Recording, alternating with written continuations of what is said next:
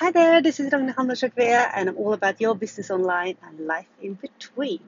Now, you know, um, you know, the sentence is all energy, and you might be living in a, a way of living there that's a well-known sentence, and it's maybe something that you even use daily, and you're really aware of that. Everything is energy, or it's a sentence that you do understand, but it can be hard to implement in your daily life, and even more so um, in your daily thoughts.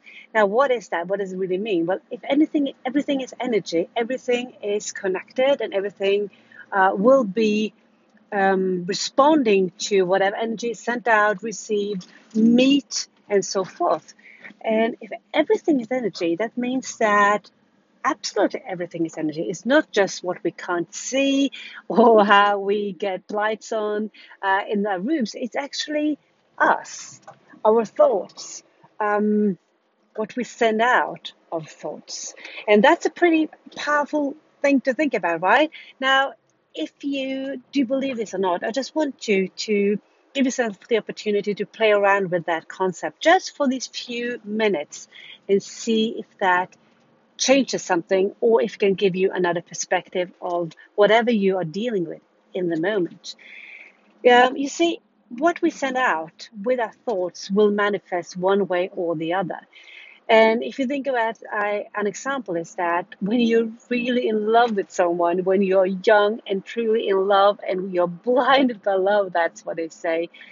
The only thing you see and the only thing you feel like you're receiving is what you think. Like, oh, oh, he or she is so beautiful, so nice, so kind, so wonderful, so, you know, all these positive thoughts. And it's like the more you think about it, the more it manifests, and that person just becomes more and more wonderful.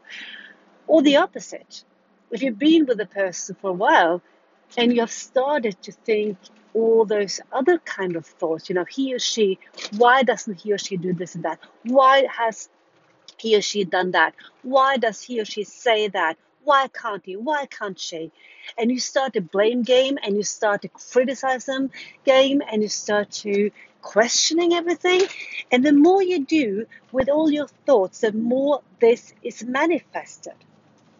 And it's well known when it comes to, to children. You know, we say that if we if we go around and say to a child, you know, oh, why are you always so this and that? That kid or at least in our way of seeing with our own eyes, that's what we will manifest more of. And I, I must admit, I'm I see that myself and I do that mistake myself. Because in the you know, in the moment of frustration or irritation or stress, things kind of pops out, right? So I can say things like, oh why why do you always because I'm just frustrated. And then I realize, whoa, I'm about to manifest more of that behavior or whatever it is that's happening in front of me. That is energy. Energy attracts energy. And one energy will make a form based on whatever energy it's um, it's attached to or whatever energy it meets on its way.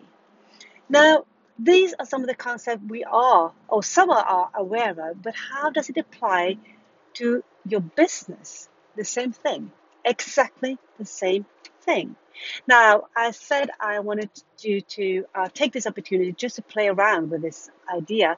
So you can bring up any kind of um, physical situation that you're in and it could be, for instance, with a system that you're struggling with. So if you're an online business, you are probably using some sort of system. To go anything, you know, Zoom for webinars or your website or your mail system or, you know, just pick one system that you at the moment are experiencing some sort of trouble with, things are not running smoothly, um, you feel a bit frustrated about it. Maybe it's you know your accounting, maybe it's um, uh, yeah whatever your hosting provider, your email. What is it that doesn't work a perfect as it should right now? Now, now you pick this situation. You pick this physical, you know, this thing. If it's a software or whatever it is, and then I want you to be really honest. Now, what are the thoughts that you're thinking about this system? What are the thoughts? So I'm just going to throw out some examples. It could be, you know, um, I just hate this. I uh, hate sitting with this system. I just hate it. Or it's just too complicated. Or why doesn't this work? Or why on earth should I use my time on this? Why doesn't, you know, the support answer me? Why this? Why that? You know, what if it doesn't work? What if this everything falls down? Everything will fall down. If this doesn't work, my whole business will be in ruins. You know, pick whatever is your thoughts around this system right now. And what you might see and experience as you do that is that your thoughts around this system is not of a very positive or very trustful way. It's based on fear. It's based on criticism. It's based on maybe even blaming. It's based on the feeling of lack, lack of time, lack of energy, lack of knowledge. It's based on all those thoughts.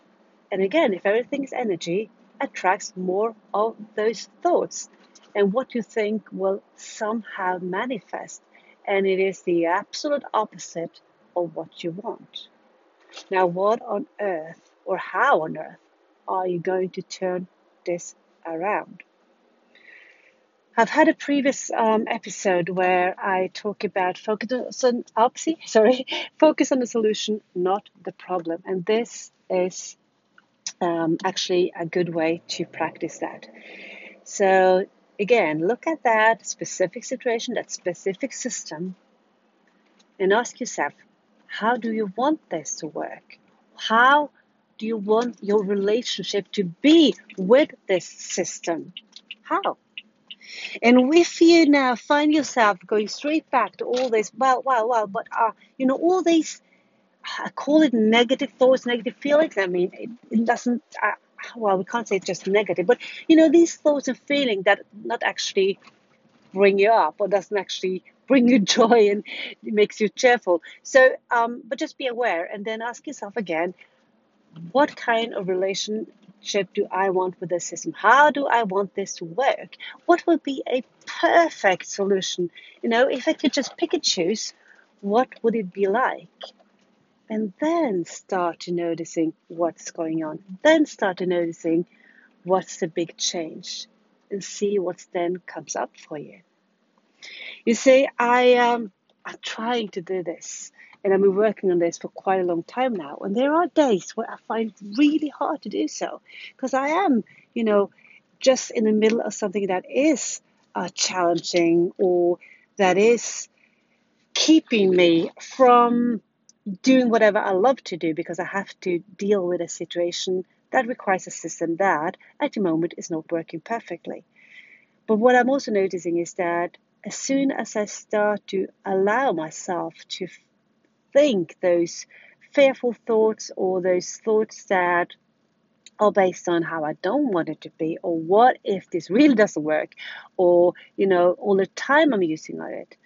First of all, my energy lacks, my energy drops, I don't become very cheerful. Um, and secondly, what also happens is that I'm always, I'm in a way, uh, not even consciously, looking for evidences that that is the truth. And that is just energy attracting energy, and that energy is manifesting whatever thought I gave to this situation. So it is not an easy task. It's not done like just with a magic wand. You have to be, and I, in my case, have to be consciously doing this, consciously turning my thoughts around. And how do I do that? Because sometimes I don't know the answer. So uh, what I try to do that instead is to focus on the end result. How do I want the end result to be? And sometimes it's not even about the system. So I will focus on the end result being, I just want this to work. I just want this to work. And if that maybe will mean that I need to change system, or if that means that I have to change something else, that will appear and that will be visible for me when that time comes. But here now, as I don't know how it's going to end. I don't know how, how it's going to be fixed. The only thing I can do is to focus on the end result, which is this is going to work. This is working. This is working brilliantly. Everything is working brilliantly. It goes so smooth. And what's happening is that that fearful thought, those fearful thoughts and all those fearful feelings kind of vanish. And instead, there is this trust, you know, the trust that this will be figured out. And it's also this trust that, you know, there will be a solution. And there is new energy that makes me curious about suddenly how I can solve this, this solution instead of just feeling drained by the fact that I have to solve it. So again, just trying to do this um, is kind of magical. And it's not about doing matching in itself, but it's about the thoughts we bring in, you know, they are energy, energy attracts energy, and then we manifest whatever energy we're sending out. So, I mean, you can believe it or not, it doesn't matter, but you can try it. You could just try it. It's like, you know, and trying to eat more healthy. You don't need to believe it's healthy for you, but just try and see what's going on, you know? So just try. Try to see what's happening. If you notice that you're having all these thoughts about a system, about something that's not working at the moment, just become aware of thoughts that you're thinking, and you know you're going to have so many arguments why this thought is right, and that's why I I encourage you to challenge yourself to disbelieve those thoughts and change it to the end result. How do you want this to work? Not how it's going to happen, just what you like the end result to be. So just go ahead, just try it out and see what's happening. And, you know, worst case scenario is that nothing happens, but at least you had a better day. So it's worth even for that reason. But try it out and see what will happen. So, till next time, bye bye.